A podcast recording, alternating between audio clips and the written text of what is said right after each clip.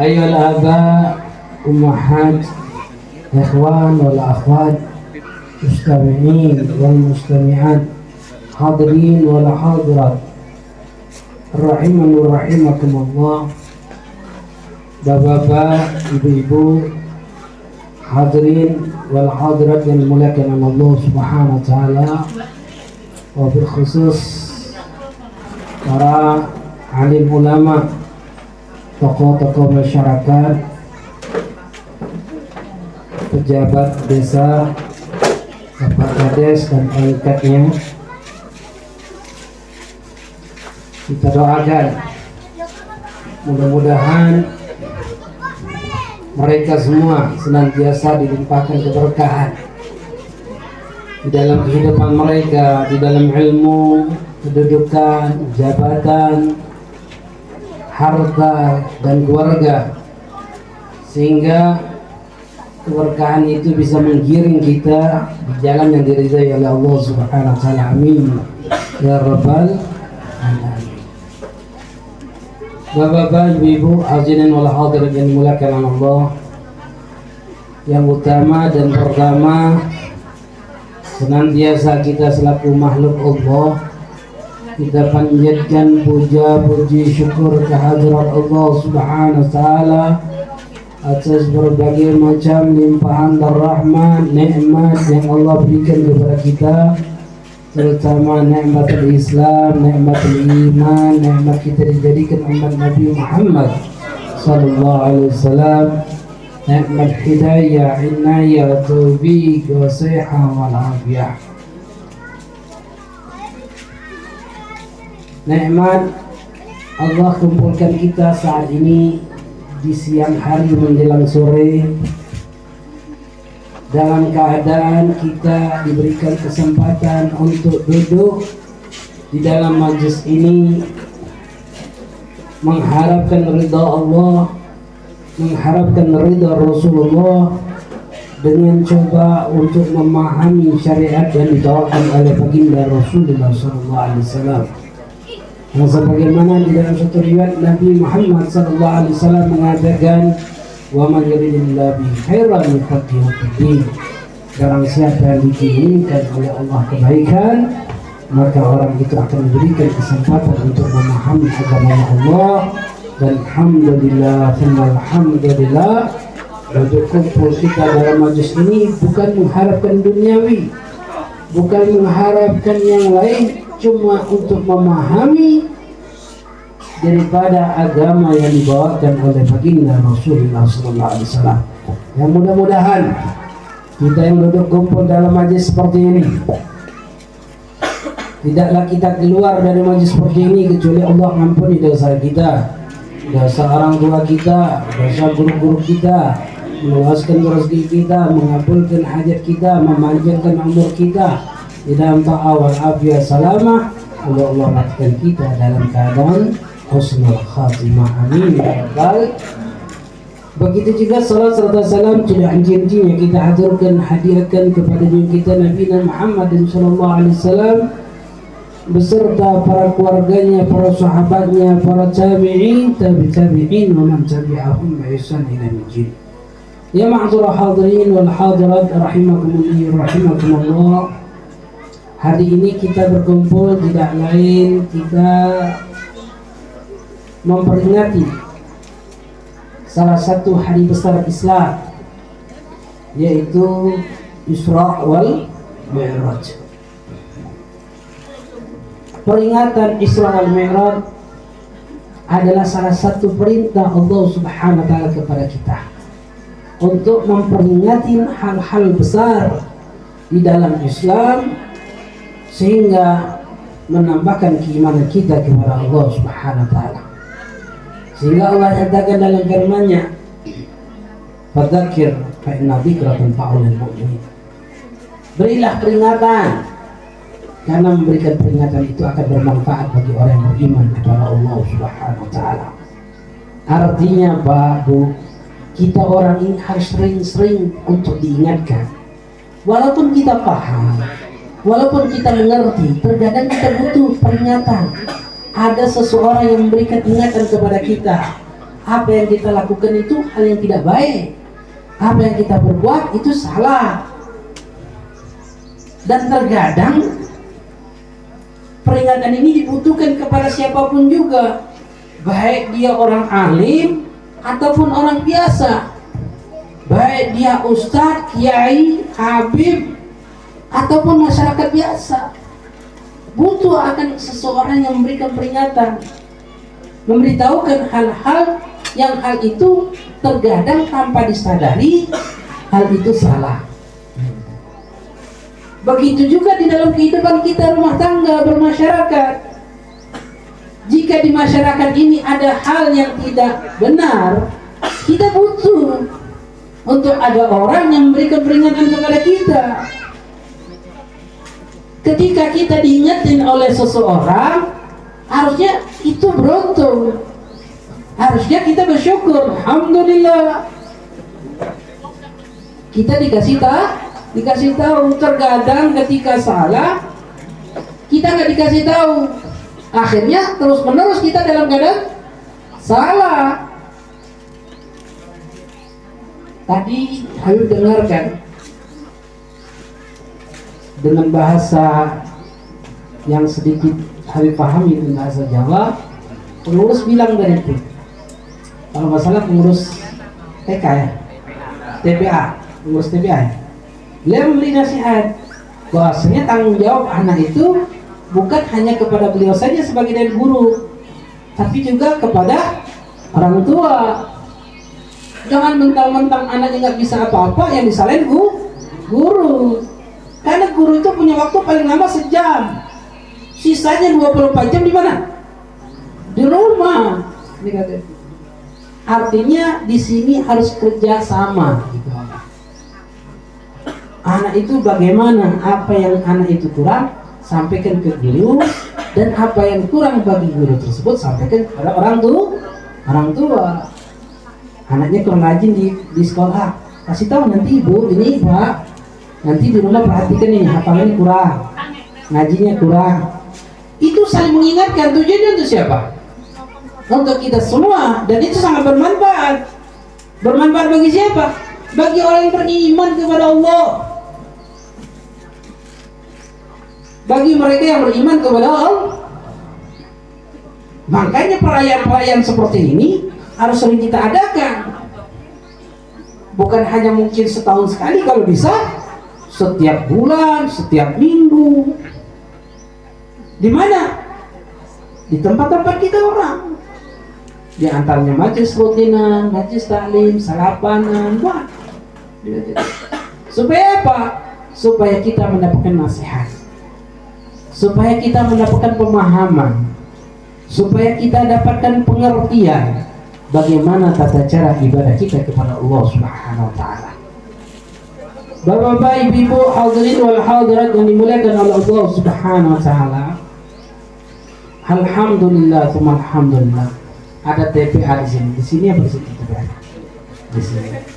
Ini Pak, Bu, kalau kita lihat mungkin bangunannya sederhana, biasa saja tapi Rasul bilang tidak marartum riyadil jannah farta'u jika kalian melewati taman-taman surga kalian mampir lalu sahabat bertanya wa mahya riyadil jannah ya Rasulullah? Apa yang kau maksud dengan taman surga ya Rasulullah? Ia madrasah dzikr atau madrasah ilmu Rasulullah mengatakan tempat di mana di situ berkelompok kumpul orang-orang yang mempelajari ilmu Allah. Orang-orang yang mempelajari bagaimana tata cara ibadah kepada Allah? Orang-orang yang berkumpul untuk berzikir mengingat kepada Allah. Itu kata Nabi adalah taman-taman jur surga. Artinya saat ini kita kumpul di mana? Di taman surga. Walaupun bentuknya biasa. Ini hakikatnya nanti di dunia seperti ini. Dia hakikatnya di akhirat nanti Allah berikan kenikmatan. Perkumpulan kita ini akan kelak nanti dikumpulkan lagi. Di mana tempatnya? Dalam surganya Allah Subhanahu wa taala. Allah maj'alna minhu. Mudah-mudahan kita termasuk kelompok orang yang dikumpulkan di dalam syur, surganya Allah Subhanahu wa taala. Pak, pendidikan adalah hal yang utama.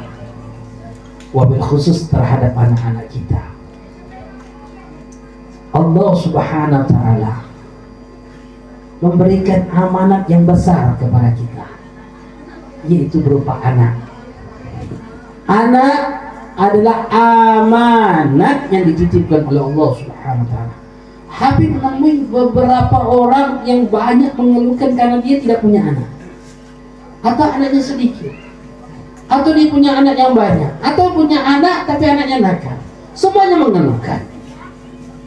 Padahal Allah memberikan anak kepada kita amanat. Jikalaupun Allah belum memberikan kita kepada diri kita seorang anak, artinya Allah Maha tahu bahwasanya mungkin kita tidak mampu mengemban amanat yang amanat itu akan memberatkan kita kalau nanti kiamat.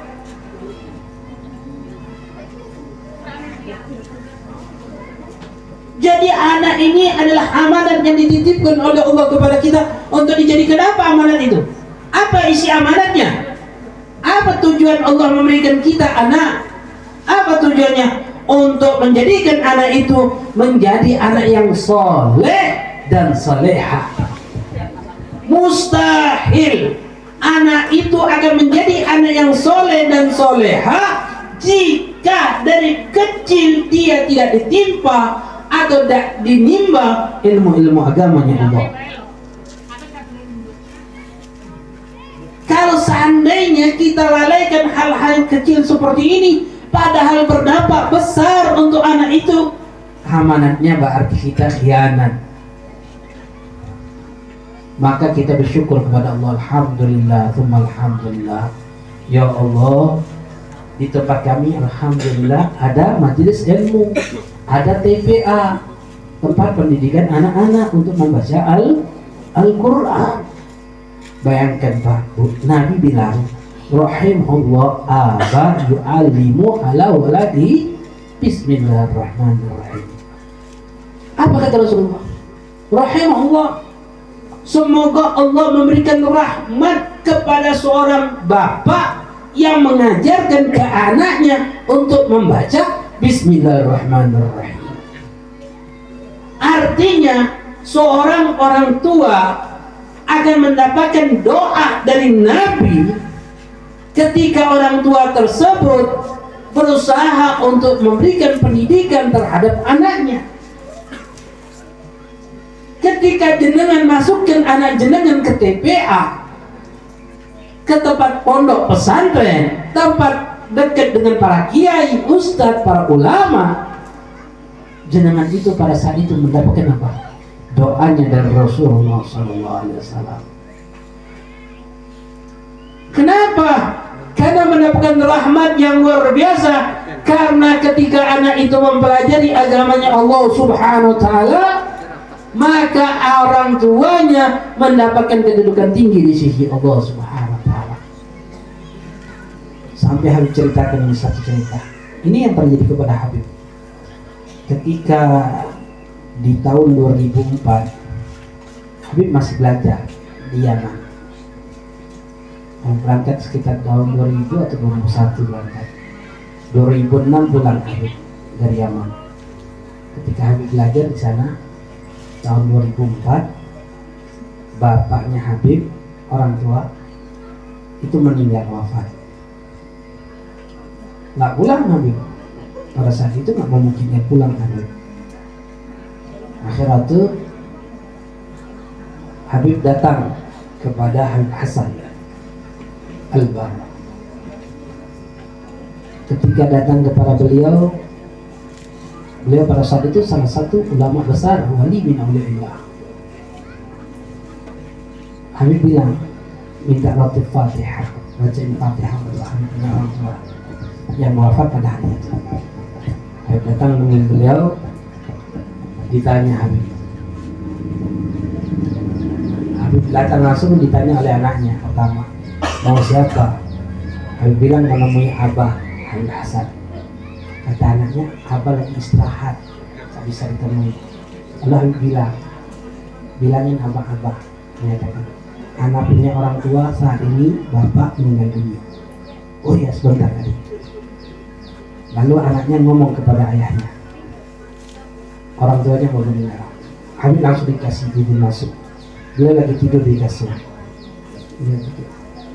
Pada saat itu beliau belum tidur. Lalu dibangunkan.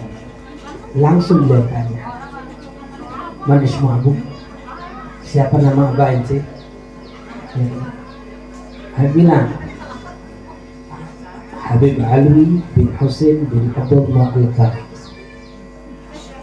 pada saat itu apa yang dia lakukan? Beliau pada saat itu melihat langit ketika beliau lihat seperti ini beliau katakan dia pakat abu dia pakat abu sungguh beruntung apa ini? Sungguh beruntung apa ini? Sungguh beruntung abahnya kamu? Itu menyenangkan hati Habibnya Allah. Lalu pada saat itu Habib beliau baca Ratul Fatihah lalu membacakan Al-Fatihah lalu beliau katakan suruh ziarah ke Zambar. Pada saat itu Abah Habib ada di Zambar. Masya Allah. Lalu Habib tanya pulang Habib tanya ke Habib Ali Belfaqih Lalu Habib tanya, Habib, kenapa Habib datang ke Habib Hasan, Habib Soleh, semuanya bilang mereka ya bahkan Abu, sungguh beruntung, sungguh beruntung punya orang, kamu punya orang tua. Kenapa mereka mengatakan hal-hal seperti itu? Dikatakan, emang ada apa? Lalu Habib Ali bilang kepada saya, Ya Ahmad, kaifa la yahub la yabakht abuk Ya Ahmad, bagaimana tidak beruntung ayahmu? Yang pertama, ayahmu wafat dalam keadaan Islam. Yang kedua, yang paling penting, ketika ayahmu menghadap kepada Allah, dia punya anak dalam keadaan menuntut ilmu Allah Subhanahu wa taala. Ini ganjaran orang tua yang luar biasa yang dalam detik setiap hidupnya selalu mendapatkan rahmatnya Allah doanya Rasulullah SAW ketika anaknya dalam keadaan menuntut ilmunya Allah Subhanahu Wa Taala dan dia menghadap kepada Allah dalam keadaan dia mendapatkan rahmatnya Allah Subhanahu Wa Taala. Masya Allah luar biasa. Artinya Pak Bu kalau kita kirim nih anak ke pondok-pondok pesantren dan kita menghadap kepada Allah Subhanahu wa taala sedangkan anak-anak kita mendapatkan lagi dalam keadaan mendidik mendapatkan pendidikan agama maka kita pada saat ini mendapatkan rahmatnya Allah doanya Rasulullah wasallam selalu menyertai kita orang maka daripada itu Pak Bu makmurkan TPA TPA pengajian-pengajian wabil khusus terhadap anak-anak kita. Jangan sampai anak-anak kita tidak mendapatkan pendidikan agama. Jangan sampai anak-anak kita ketika dia dewasa dia tidak mampu untuk membaca Al-Qur'an. Cukup kita orang Cukup kita orang yang hadir saat ini adalah anak dari orang tua kita yang saat ini terkadang kita tidak mampu baca Al-Quran. Kenapa? Karena lalainya orang tua kita pada masa memiliki kita sehingga dia tidak bisa mendidik tarbiyah kepada kita untuk kita mampu baca Al-Quran.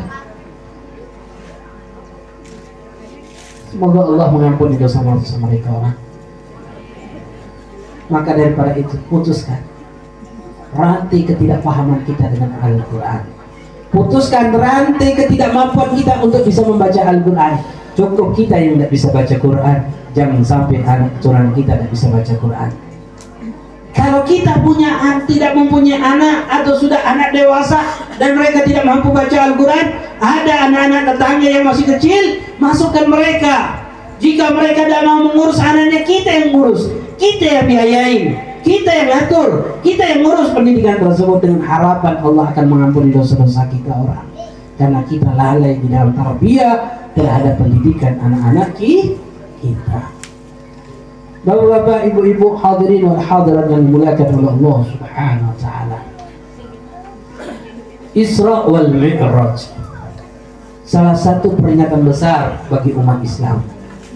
Bertepatan dengan berapa? Pak, Bu. 27 Rajab. Selayaknya kita selaku umat Islam mengadakan perayaan tersebut. Kenapa?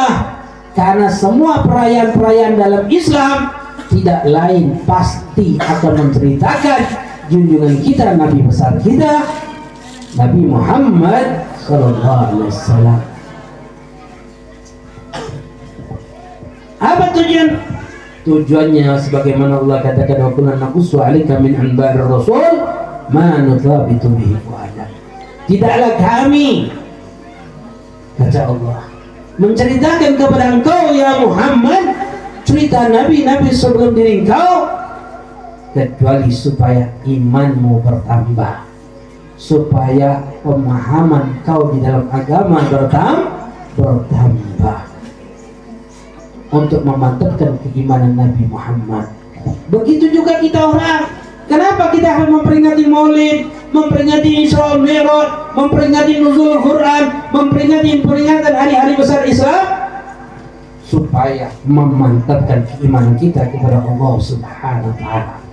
Salah satunya cerita Isra Mi'raj. Cerita Isra Mi'raj ini adalah cerita yang tidak bisa diproses dengan akal. Cerita yang tidak bisa kita teliti dengan akal kita cerita yang hanya bisa diterima dengan keimanan. Cerita yang hanya bisa dipercaya dengan kepercayaan. Kenapa?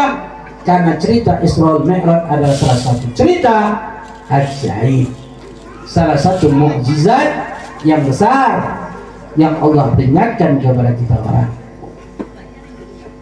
Pak Bu dulu dulu dulu kalau ada orang bilang hari ini bakal hujan. Sekitar jam 4 sampai jam 5 terus betul hujan. Pasti orang itu dianggap wah wali orang hebat benar nggak?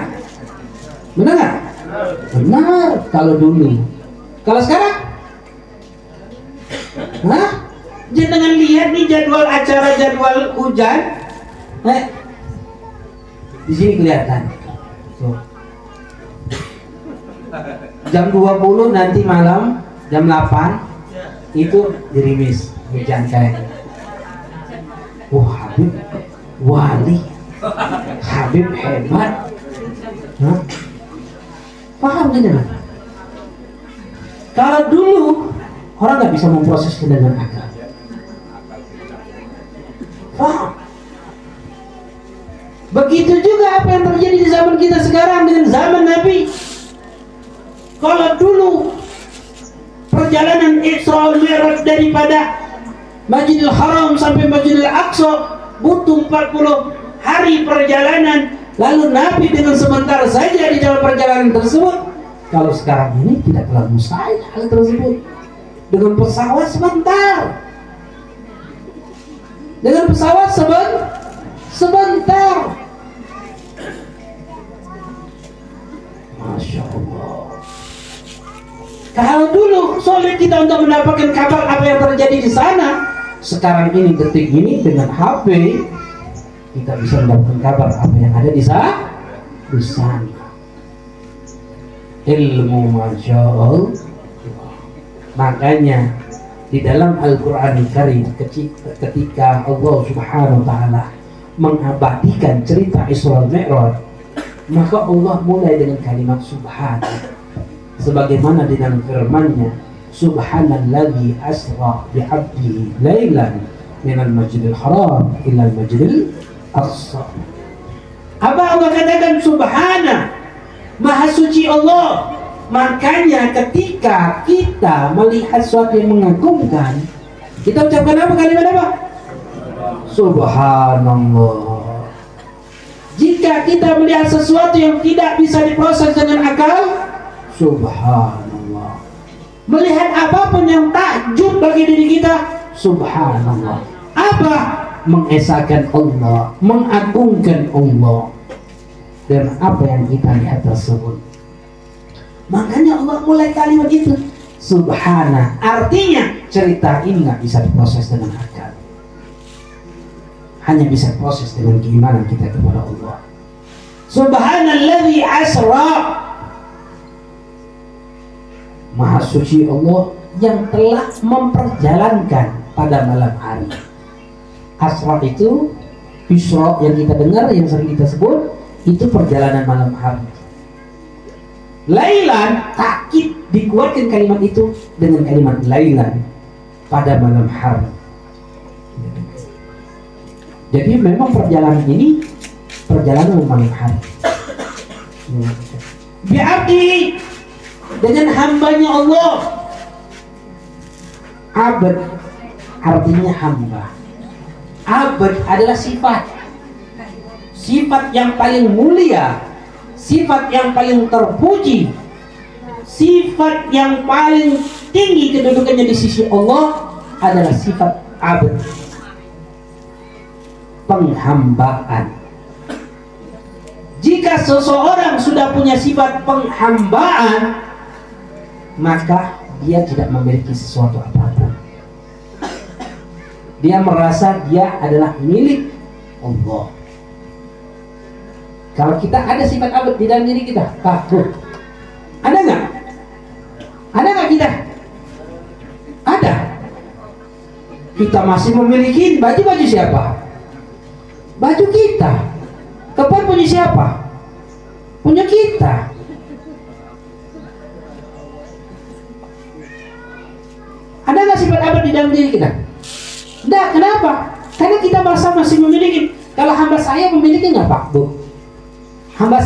Memiliki enggak? Enggak. Kenapa? Yang dimiliki hamba sahaya adalah milik siapa? Tuannya. Yang memiliki hamba sahaya adalah milik tuannya.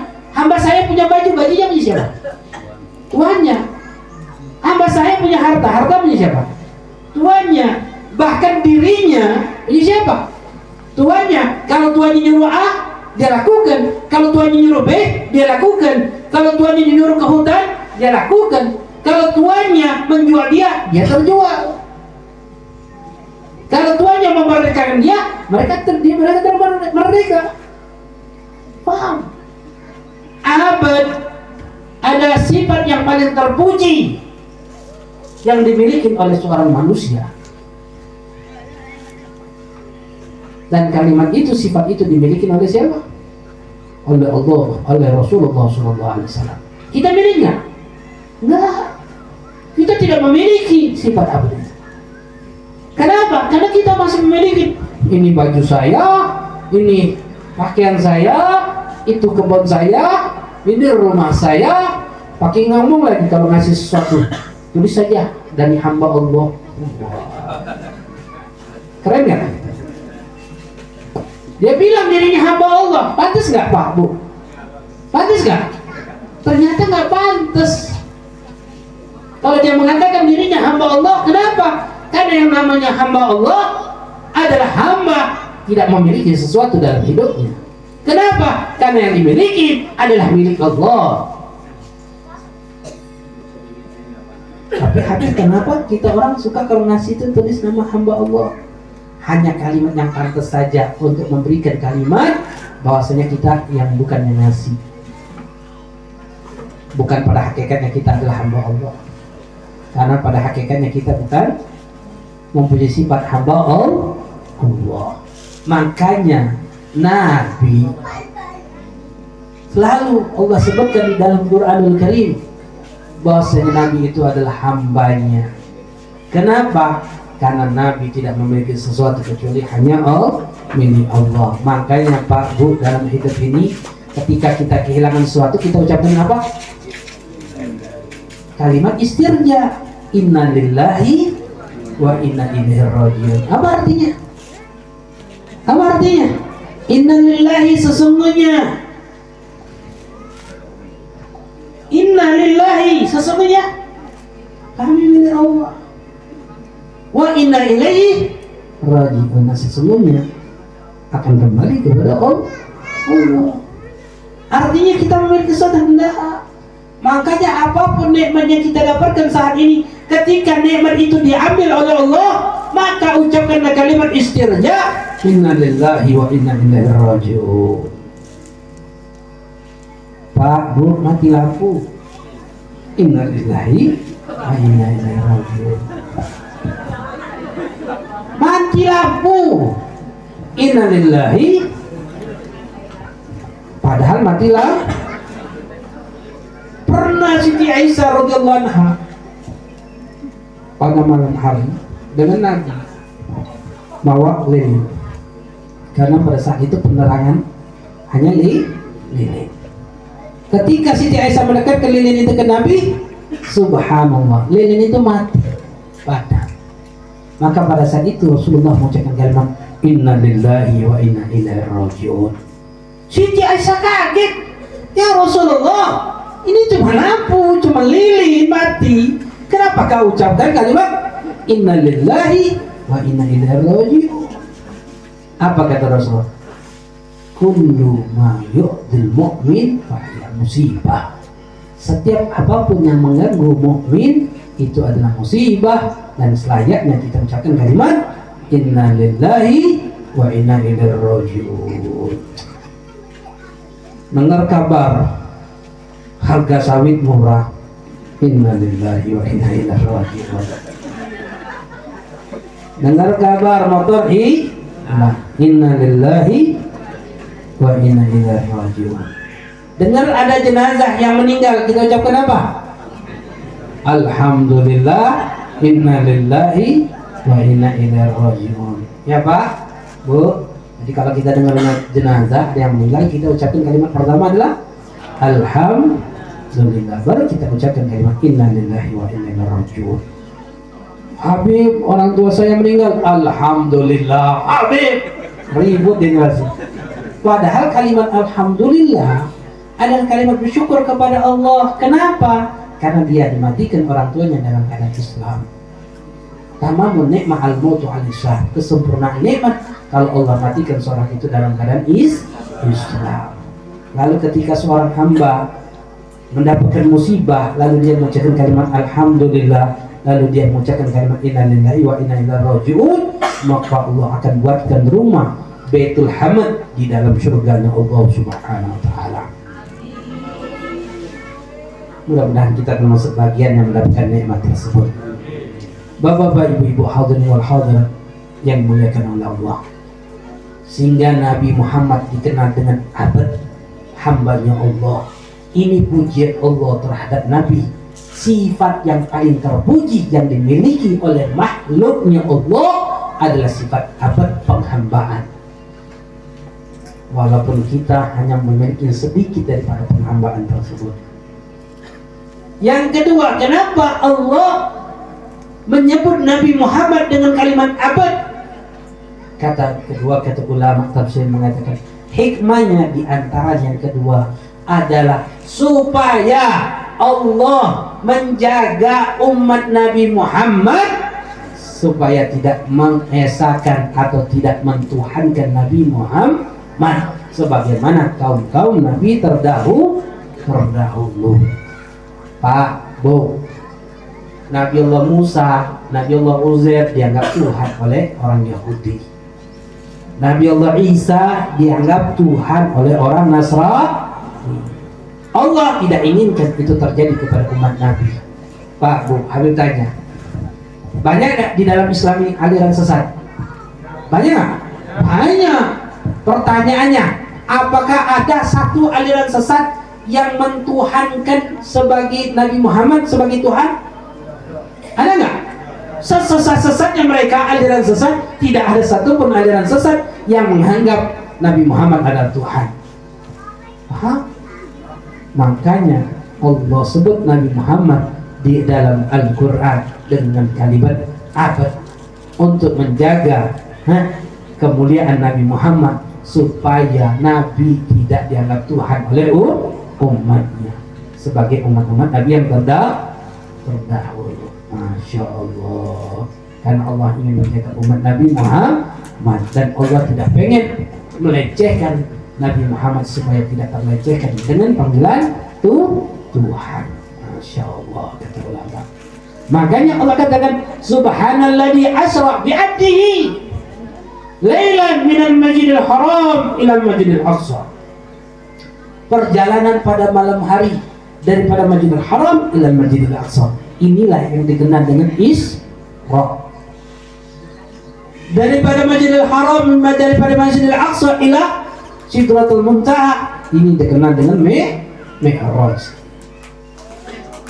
Kata ulama, perjalanan itu singkat.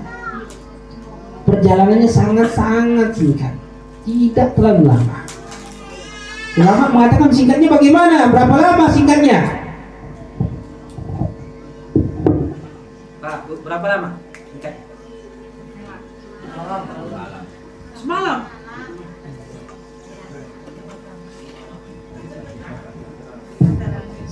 penuh perjalanan tersebut. Kata ulama singkatnya itu sesingkat-singkatnya artinya dalam riwayat Nabi ketika tidur di pelepah kurma itu bahasa kita tiker dilakukan itu tiker belum dingin Nabi sudah pulang Masya Allah lama nggak? lama nggak?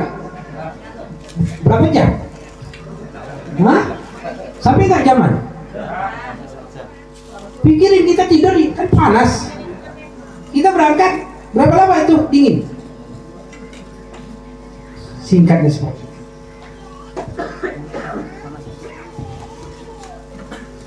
perjalanan itu dari Isra Mi'raj dari Masjidil Haram ila Masjidil Aqsa pertama. Dalam riwayat Nabi tidur di rumahnya ada riwayat Nabi tidur di masjid di Ka'bah pada saat itu Nabi dibangunkan oleh malaikat Jibril lalu digiring ke Masjidil Haram sampai di Masjidil Haram terjadilah pembelahan dada pada saat itu yang membawakan baskom malaikat Mikail. Maka Nabi meminta menggunakan air zam-zam. Lalu menambahkan kesucian di dalam diri Nabi. Bukan disuciin. Ini tuh kalimatnya. Kalau kalimatnya disuciin, berarti sebelumnya kotor. Sedangkan Nabi kotor tidak? Nah, tapi justru menambahkan kesucian yang ada di dalam diri Nabi menambahkan kesucian yang ada di dalam diri Nabi dengan menambahkan ilmu wal hikmah pembelahan dari mana ke mana pembelahan tersebut dalam riwayat dari pangkal leher sampai di bawah nah, di bawah pusat itu pembelahan terjadi kepada dadanya Nabi. Berapa kali Nabi dibelah dadanya? Pak, Bu. Berapa kali Nabi dibelah dadanya? Bu. Bu. Berapa kali? Empat kali. Yang pertama, ketika Nabi umur 4 tahun di Bani Sya'ad. Ketika diasuh oleh Halimatus Sya'diyah. Karena pembelahan inilah ketakutan Halimatus Sya'diyah dibalikin Nabi ke ke Aminah, Siti Aminah. Itu hikmahnya, Masya Allah. Yang kedua, ketika Nabi mengembala kambing. Pada saat itu belasan tahun. Yang ketiga, ketika Nabi diangkat menjadi Nabi dan Rasul. Berapa umurnya? 40 tahun. Yang keempat, ketika pada malam Isra wal Mi'raj. Empat kali yang terjadi pembelahan di dalam dadanya nah, Nabi. Mulai daripada itu Nabi naik langsung berangkat menaikin kendaraan. Kendaraan para nabi-nabi sebelum Nabi Muhammad. Apa nama kendaraan tersebut? Buruk. Karena meriwayat buruk itu suatu hewan kendaraan para nabi-nabi sebelum Nabi Muhammad SAW dan termasuk hewan yang ada di dalam surganya Allah Subhanahu wa taala. Itu buruk katanya diriwayatkan sebutkan bahwasanya satu langkah dia sejauh pandangnya memandang, sejauh pandang uh, memandang, mata memandang. Sejauh mata memandang itu satu langkahnya. ngebutnya luar biasa sehingga ada nama pesawat namanya buruk sekarang ini kalau nggak salah pesawat Turki ya, namanya bu buruk ya, nah, tapi kendaraan itu. Dan ingat itu bukan kendaraan Nabi saja tapi kendaraan Nabi-Nabi sebelum Rasulullah SAW di dalam perjalanan itu Nabi diperlihatkan dengan berbagai macam alam-alam yang luar biasa. Allah perlihatkan kepada Nabi umat Nabi yang melakukan ketaatan masuk ke dalam surga merasakan nikmat-nikmat berada dalam surga. Nabi pun melihat memperlihatkan kepada Nabi Muhammad Allah pun memelihat, memberikan perlihatan kepada Nabi Muhammad bagaimana umat-umat Nabi yang bermaksiat lalu dimasukkan ke dalam neraka dan diberikan azab di dalam neraka. Pertanyaannya Pak Bu, surga ada belum sekarang ini? Surga dan neraka ada belum? Ada. Tapi sekarang ini ada nggak yang penghuni surga dan neraka? Nggak ada. Lalu kok Nabi melihat ada orang yang di dalam surga? Kok Nabi melihat ada orang yang diadab di dalam neraka? Allah hanya memperlihatkan kepada Nabi alam tafsir, alam perumpamaan bagi umat Nabi yang melakukan ketaatan ataupun yang melakukan maksiat kepada Allah. Macam-macam yang dilihat oleh Nabi. Macam-macam. Di antara yang dilihat oleh Nabi Muhammad SAW di antaranya ada orang mau membawa batu lalu memukulkan kepalanya. Sampai itu kepalanya pecah, dia merasakan sakit yang luar biasa. Setelah kepecah itu pala hancur itu pala dilempar dengan batu, dipukulnya dengan batu, kembali lagi kepala itu sempurna. Dia ambil lagi batu, dia pecahkan lagi itu kepalanya dengan batu tersebut dan dia merasakan sakit yang luar biasa. Pak, Bu, jenengan coba ambil batu kelikir, jenengan tepak, tak, tak. Sakit nggak? Uh, sakitnya luar biasa itu. Apalagi itu jenengan ambil batu bata, jenengan pukul tuh sekenceng-kencengnya sampai hancur. Sakit itu, masya Allah. Lalu Nabi bertanya kepada kepada Jibril, wahai Jibril siapa man haula? Wahai Jibril, itu siapa? Maka Jibril mengatakan, itu umatmu. Kenapa? Apa yang terjadi kepada umatku sehingga dia menghancurkan kepalanya dengan batu? La'anahum yutadjiluna ru'usahum ala salah. Karena kepala mereka itu adalah umatmu yang memberatkan kepala mereka, diri mereka untuk melaksanakan sholat lima waktu. Allah. Pak, Bu, itu sholat tapi berat, lambat, lama-lamain sholat, hampir mau keluar waktunya baru mau sholat, sholat. Terkadang keluar sholat waktu dia baru mau sholat sholat. Subuh lewat. Subuh lewat sengaja. Nah itu yang mengiabah nanti itu kepalanya dilempar pakai batu dihancurkan sendirinya. Lagi jalan lagi Nabi. Mencium wangi-wangian.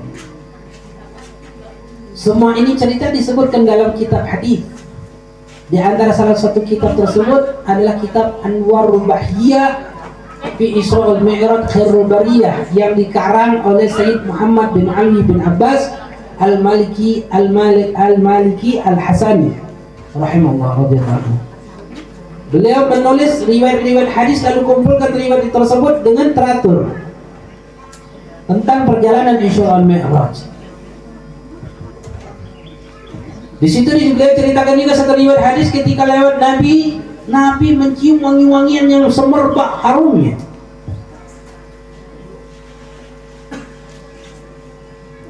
Ketika Nabi mencium bau wangi-wangian tersebut,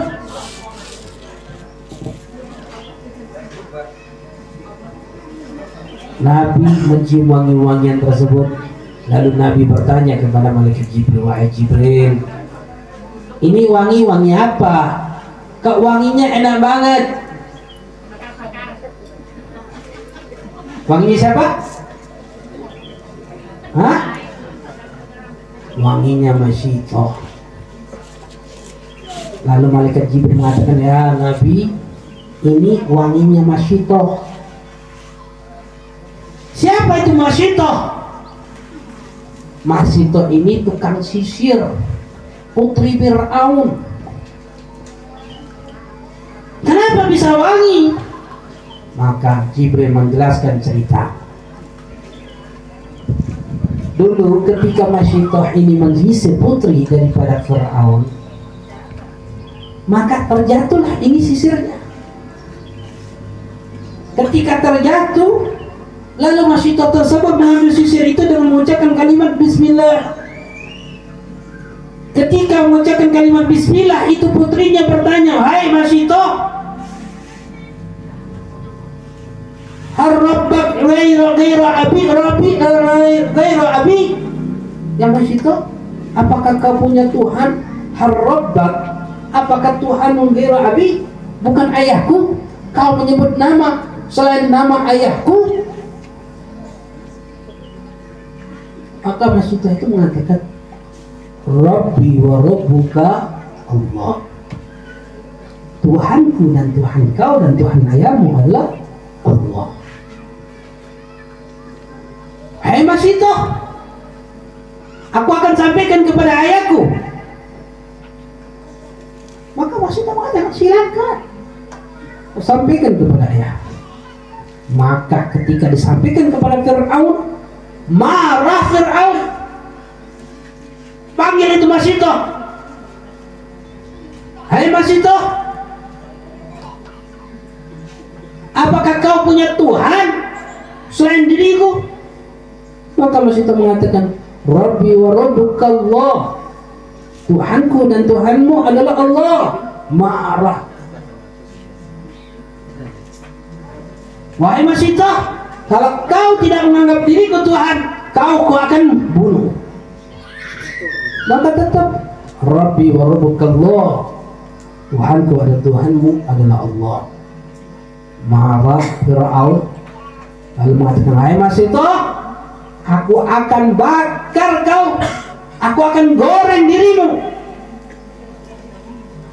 Kau berserta suamimu dan anak-anakmu. Silakan masuk. Ketika pada saat itu dikumpulkan Masito dan suaminya Satu persatu pada saat itu Masito punya anak dua Satu sudah besar Satu masih di Yusuf dan Masito pertama yang dilempar ke oleh Fir'aun ke dalam minyak yang panas adalah bapaknya, suaminya. Lalu putranya. Lalu Masyita. Satu persatu dilempar kepada api yang panas. Tapi ketika sebelum Masito dan putranya yang dalam keadaan masih menyusui, masih bayi, dilempar ke dalam api yang panas, maka sang putra tersebut berkata kepada ibunya, La tadlili uya ummi anti alal haq. Jangan khawatir wahai ibu. Jangan khawatir wahai ibu, engkau dalam keadaan kebenaran. Salah satu bayi yang bisa berbicara itu adalah putrinya ke Masyitah mengatakan, Masya Allah. Pak, Bu, apa yang kita saksi? Korbankan untuk Allah apa yang bisa kita korbankan untuk Allah nyawa harta anak kita tidak sanggup. Kita tidak sanggup mengorbankan harta kita. Kita tidak sanggup mengorbankan anak kita. Kita tidak sanggup mengorbankan diri kita untuk Allah tidak sanggup kita ya Allah ya Rabbi. Padahal kita ngomong ikrar dalam hidup kita setiap salat kita katakan apa? Inna salati wa nusuki wa mahya wa mati ila rabbil alamin. Kita katakan inna salati ya Allah, salatku wa nusuki hidupku wa mahya hidupku ibadahku wa mati dan matiku lillahi rabbil alamin. Hanya untuk Allah Subhanahu wa taala. Tapi pada hakikatnya kita seperti itu enggak? Hah? Siap matikan Allah? Aduh, kopak keliling saja dengan yang kecil. Mau mati untuk Allah? Kalau kita hidup mengatakan diri kita untuk Allah, artinya penghambaan kita tidak memiliki sesuatu. Kita adalah milik Allah, harta kita milik Allah. Pak, Bu. TPA kecil ini. Masyarakat yang banyak ini yang mayoritas mus, muslim. Masjid nggak makmur, musola nggak makmur, yang justru makmur yang bagus itu rumah kita. Rumah kita lebih bagus dari masjid musola TPA kita lebih bagus pakaian kita dibandingkan para kiai ustadz yang ada ngajar. Kehidupan kita lebih nikmat dibandingkan para kiai para ustadznya padahal masjid musola ikon daripada desa tempat kaum muslimin. Kalau masjidnya bagus berarti orang-orang di situ semangat untuk mendemarkan hartanya di dalam kebaikan. Kalau masjidnya sepi kosong jelek artinya kita bisa paham masyarakat sangat acuh tak acuh terhadap mas masjid. Habib suruh masuk-masuk desa.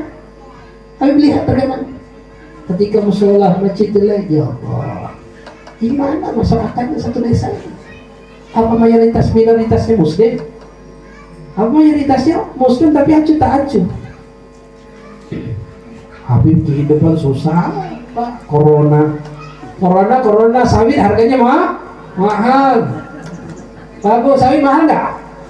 Naik nggak? Naik. Mau alasan corona. Nggak, nggak ada dampaknya kalau di sini corona. Ada nggak dampaknya di sini? Nggak ada. Makanya Pak Bu, Masya Allah, korbankan sedikit demi sedikit harta kita untuk Allah. Untuk Allah. Kemudian dalam perjalanan lagi sampailah di Masjidil Haram, Masjidil Aqsa. Berhenti Nabi pada saat itu. Lalu pada saat itu ketika Nabi duduk di Masjidil Aqsa, semua malaikat, para anbiya dan rasul turun ke Baitul Maqdis. Salat di Baitul Maqdis. Ketika mereka kumpul untuk sholat, berkemandang komat untuk melaksanakan sholat, pada saat itu dikatakan dalam riwayat mereka terdiam semua untuk siapa yang menjadi imam maka pada saat itu malaikat Jibril menuntun Rasulullah SAW untuk mengedepankan Rasulullah menjadi imam para nabi dan rasul dan juga para malaikat. Di situ pun menunjukkan kemuliaan Nabi Muhammad Nabi Muhammad SAW. Ketika salat selesai salat mulai mi'raj menaiki langit. Langit pertama bertemu para malaikat, kedua, ketiga, keempat, kelima, keenam dan ketujuh bertemu dengan para ambia ambia bertemu dengan alam tamsil, alam perumpamaan perumpamaan sampai kepada Sidratul Muntaha. Ketika sampai kepada Sidratul Muntaha, apa Sidratul Muntaha?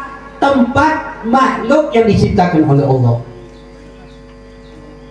Luasnya lebih luas daripada langit sebanyaknya kata ulama bumi ini perbandingan dengan langit itu bumi ini satu butiran pasir di antara padang pasir yang luas perbandingan bumi dengan langit langit pertama dan kedua sama perbandingan satu butir pasir di antara padang pasir yang luas Begitu juga ketiga, keempat, kelima sampai Sidratul Muntaha.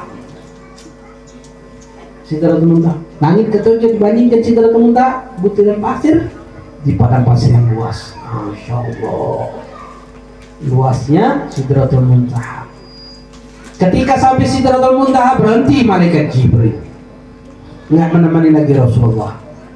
Lalu Nabi berkata, Wahai Jibril, kenapa kau berhenti? Ayo temani aku bertemu dengan Allah. Maka malaikat Jibril mengatakan, Ya Rasulullah, mengatakan, tidak ada yang tahu di antara kami ke sana illa maqam ma'lum kecuali maqam kedudukan yang sudah ditentukan oleh Allah. Maka Nabi itu mengatakan kepada Jibril, "Wa ya Jibril syir ma'i wala khatwa." Wahai Jibril, jalan bersamaku walaupun satu langkah saja. Selangkah saja. Apa yang terjadi? maka Jibril mengikuti perintah Nabi Muhammad SAW berjalan selangkah langsung pada saat itu Jibril itu terbakar dari hebat keagungan Allah Subhanahu wa taala sehingga dabah melebur Jibril itu menjadi uskur menjadi bumi kecil lalu pada saat itu pun Nabi memahami kedudukan Nabi dan memahami kedudukan Jibril. Lalu pada saat itu Jibril memberikan isyarat untuk Nabi memulai salam kepada Allah Subhanahu wa taala. Ketika Nabi bertemu dengan Allah bukan di atas langit. Karena Allah tidak mempunyai tempat. Nabi bertemu dengan Allah Nabi mempunyai tempat Allah tidak mempunyai tempat. Bagaimana bentuknya? Wallahu a'lam. Ketika sudah bertemu dengan Allah subhanahu wa ta'ala apa yang diucapkan Nabi? Hah? Bu apa yang diucapkan Nabi? At-tahiyatul mubarakatus salawatut Itu yang diucapkan Nabi. Kalimat itu yang diucapkan Nabi. At-tahiyatul mubarakatus salawatut tayyibatulillah. Itu yang diucapkan oleh Nabi. At-tahiyah penghormatan, penghormatan. Mubarakah dengan penuh keberkahan. Salawat di dalam salat lima waktu, at-tayyibah penuh dengan kebaikan lillah kepada Allah. Ketika Allah Subhanahu wa taala mendengarkan kitabnya Nabi, lalu Allah Subhanahu wa taala berfirman mengucapkan kalimat apa? Apa?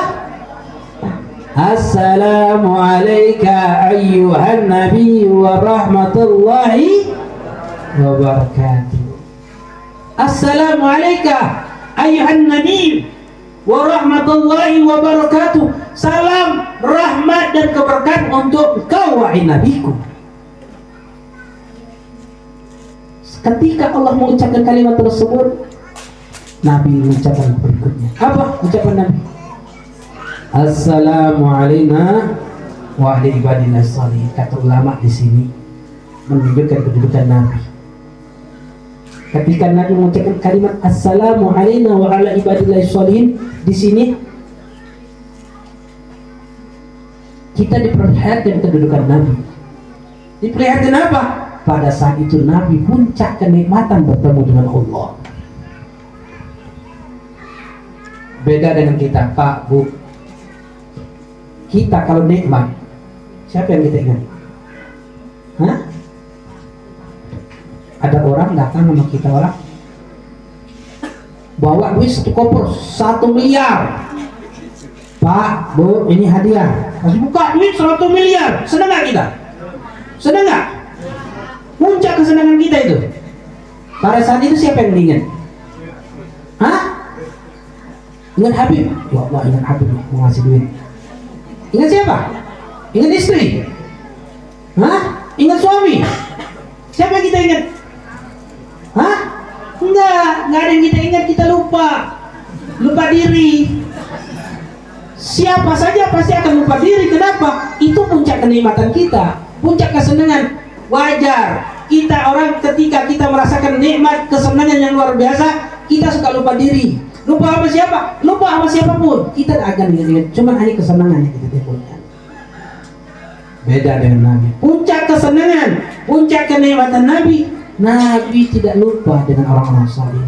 Lalu Nabi mengucapkan Assalamualaikum wa ala ibadillahi. Siapa? Salam dari kami ya Allah dan dari hamba-hambamu orang-orang saleh. Siapa orang saleh ini yang diberikan salam? Mulai dari Nabi Allah Adam alaihissalam sampai akhir umat salamnya akan terus sampai pada saat itu. Makanya kata ulama orang yang meninggalkan sholat itu bukan hanya merugikan diri dia sendiri, tapi yang dia merugikan orang-orang soleh. Kenapa? Karena hanya di dalam sholat, salam orang soleh itu disampaikan kepada Allah. Pak, Bu, siapa yang kita senangi sekarang presiden di dunia? Siapa yang kita senang? Erdogan. Kalau Habib paling senang Erdogan. Eh, hebat. Itu yang paling senang. Jokowi senang juga. Apa Erdogan lebih senang? Habib, saya sudah sampaikan salam Habib ke Pak Erdogan kata Erdogan kirim salam balik. Uh, seneng nggak kita orang? Bukan main senangnya, karena kita orang biasa. Tapi kalau orang soleh, salamnya sampai kepada Allah Allah subhanahu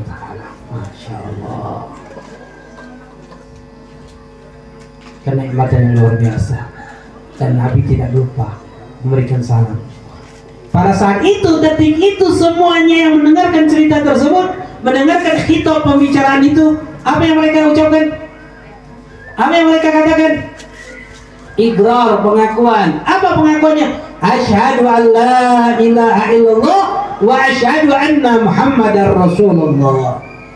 Aku bersaksi tiada Tuhan selain Allah dan aku bersaksi Nabi Muhammad adalah utusan Allah. Masya Allah. Ikrar semua makhluk Allah yang mendengarkan kitab tersebut. Ya, Kenapa? Kedudukan tinggi di sisi Allah yaitu Nabi Muhammad Nabi Muhammad SAW Dalam riwayat lain disebutkan kalimat tahiyat. Atahiyatun itu nama burung di dalam surga. Mubarakah itu nama pohon di dalam surga. Ataibah itu nama sungai di dalam surga. Atahiyat nama burung.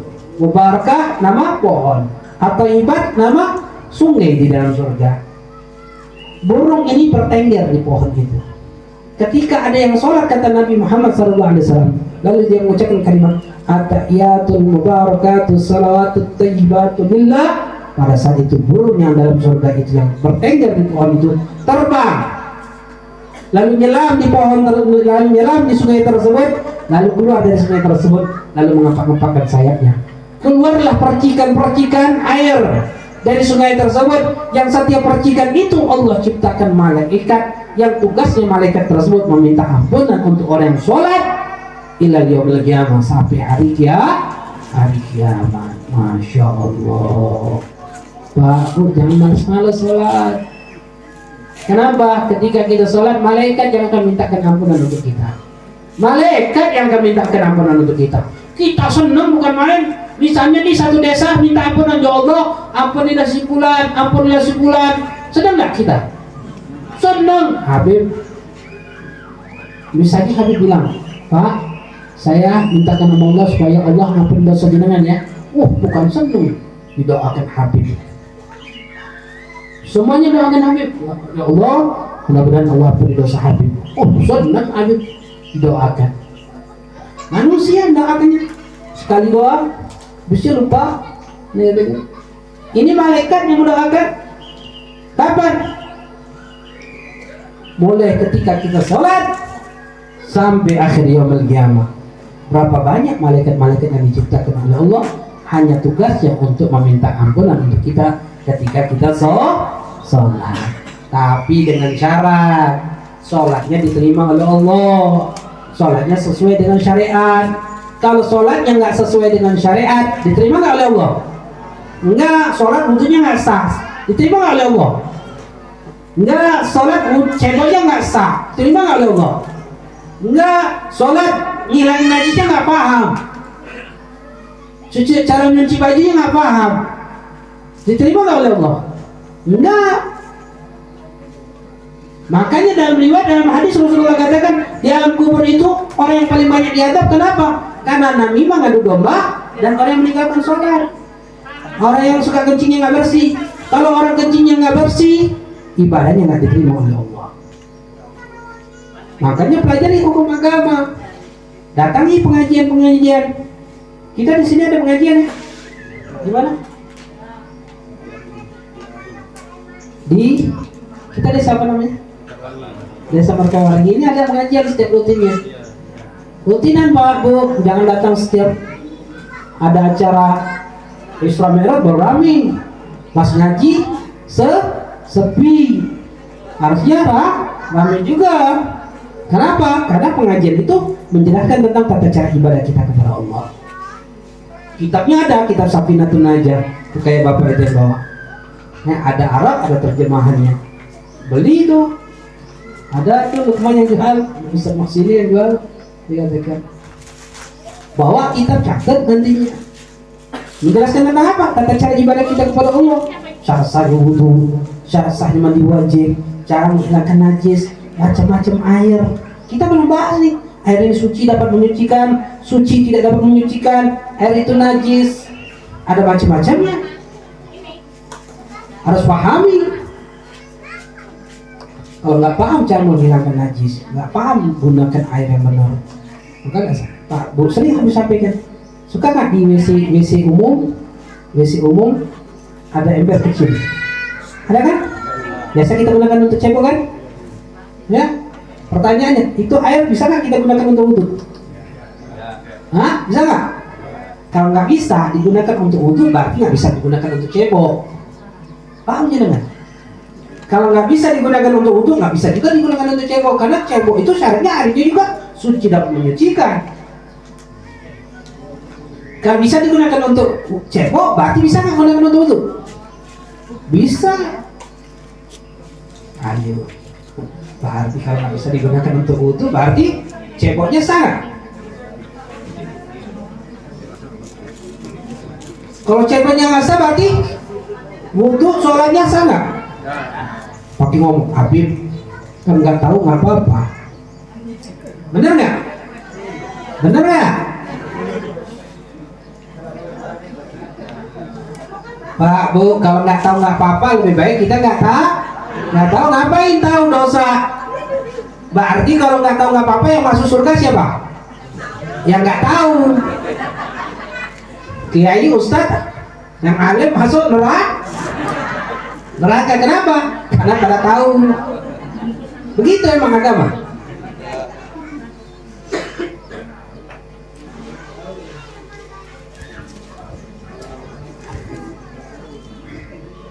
Belajar itu hukumnya wajib. Artinya kalau kita nggak mau belajar, akhirnya akibatnya kita tidak paham agama. Ketika tidak paham agama, akibatnya ibadah kita tidak sesuai dengan agama. Ketika ibadah tidak sesuai dengan agama, otomatis ibadah itu tidak sah. Makanya Rasulullah katakan, wa kullu man yurid ilmi ya'malu amaluhu mardudatun la. Setiap orang yang melakukan suatu amal ibadah tapi tanpa didasari dengan ilmunya, maka amal ibadah mardud ditolak oleh Allah. Tidak akan diterima oleh Allah, oleh Allah Subhanahu wa taala, akan diterima. Jadi kalau supaya amal ibadah kita diterima, apa yang harus kita lakukan pertama? Belajar. Eh Bu, Pak, ingetin, Alhamdulillah di desa kita Mekarwangi rutinan setiap salapanan setiap salapanan hari Sabtu sore jam 2an sekitar jam 2an seperti inilah basisnya itu nanti di desa mana di apa di apa dusun apa nggak paham nah walhasil akan selalu diadakan kajian rutinan setiap salah salapanan dan kebetulan salapanan di sini kita bahas tentang Isra wal Mi'raj. Nanti rutin tuh bahas tentang bab wudhu, bab mandi wajib, bab air. Pakai kitabnya, jangan bawa pulpen, bawa kitabnya jangan tambahin nanti apa pemahaman dari Habib apa yang Habib sampaikan. Jika ada tambahan, jenengan tam tambahin nanti tulis. Biar jadi jenengan buat pelajaran. Ada kesempatan yang Allah berikan kepada kita untuk bisa bela, belajar, wabil khusus tentang ibadah sholat karena sholat ini punya kedudukan tinggi di sisi Allah. Langsung perintah Allah langsung kepada Nabi Muhammad dalam acara Isra wal Mi'raj. Allah perintahkan zakat tapi apakah Allah langsung memerintahkan enggak. Melalui malaikat. Allah perintahkan haji. Apa langsung Allah perintahkan? Enggak. Melalui malaikat. Allah perintahkan puasa. Apa langsung? Enggak. Melalui malaikat Allah memerintahkan satu perintah kepada kita umat Nabi itu melalui malaikat kecuali sholat. Langsung Allah utus Nabi Muhammad langsung Allah perintahkan langsung dari Allah langsung kepada Nabi Muhammad. Tanpa perantara.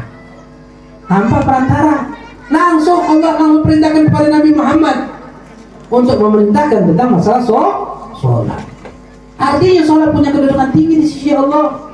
Pentingnya sholat luar biasa pertama kali yang akan ditanyakan di alam barzah adalah tentang masalah sholat selamat itu selamat semua dan selamat itu nggak akan selamat semua. Pak Bu Habib tanya, orang yang sholat dengan orang yang tidak sholat perilakunya beda tidak? Beda nggak? Beda. Beda. Baik yang mana? Sholat.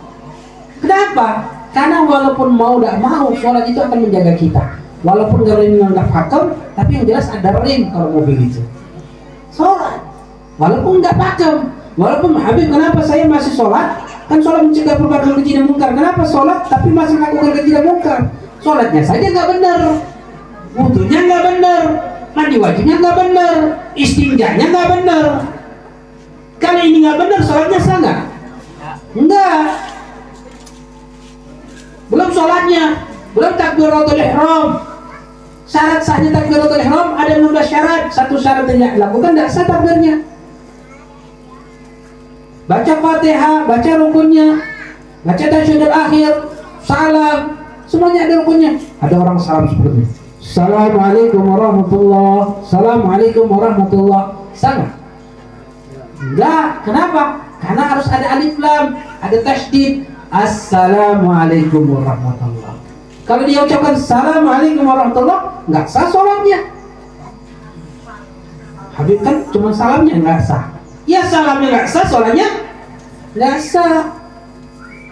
Habib enggak tahu apa-apa kan pakai ngomong lagi nggak tahu apa-apa. Karena belajar itu hukumnya wa wajib. Bukan sunnah pak. Bukan belajar jenengan dapat pahala. Nggak ngaji nggak apa-apa. Bukan. Bukan itu. Jenengan mengaji wajib jenengan nggak ngaji dosa jenengan. Yang menyebabkan ibadah jenengan nggak akan diterima oleh Allah. Wallahu a'lam bisa mudah-mudahan. Dengan majlis masih gak ini Allah senantiasa memberikan hidayah, inayah, taufiknya kepada kita. Untuk senantiasa mendekatkan diri kepada Allah dan menjauhkan segala perkara yang bisa menyebabkan kita jauh dari Allah dan juga kita mintakan kepada Allah subhanahu wa ta'ala mudah-mudahan kita mendapatkan ilmu yang berkah. Ilmu yang menjadikan kita tunduk, takut, patuh kepada Allah subhanahu wa ta'ala. Juga kita mintakan kepada Allah subhanahu wa ta'ala mudah-mudahan kita senantiasa diberikan keberkahan dalam kehidupan ini. Keberkahan waktu, keberkahan umur, keberkahan ilmu, keberkahan anak, keberkahan istri dan suami, keberkahan keluarga, tetangga, kerabat, sahabat, sehingga keberkahan itu mengiring kita di jalan yang diridhai oleh Allah, diridhai oleh Rasulullah SAW. Dan juga kita mintakan kepada Allah Subhanahu Wa Taala mudah-mudahan untuk kita, untuk orang yang kita cintai, orang yang mencintai kita, atau orang yang tidak senang kepada kita, atau orang-orang yang pernah berbuat baik dalam hidup kita atau orang yang pernah kita dolimi ada yang mendolimi kita dan kaum muslim musliman kita mintakan kepada Allah mudah-mudahan Allah dosa kita dan dosa mereka يا الله ما تكلم كده يا مريكا أنا على حسن الخاتمه يا الله بها يا الله بها يا الله بحسن الخاتمة. قال رسول الله صلى الله عليه وسلم يوم قلت أنا والذين من قبلي لا إله إلا الله. لا إله إلا الله.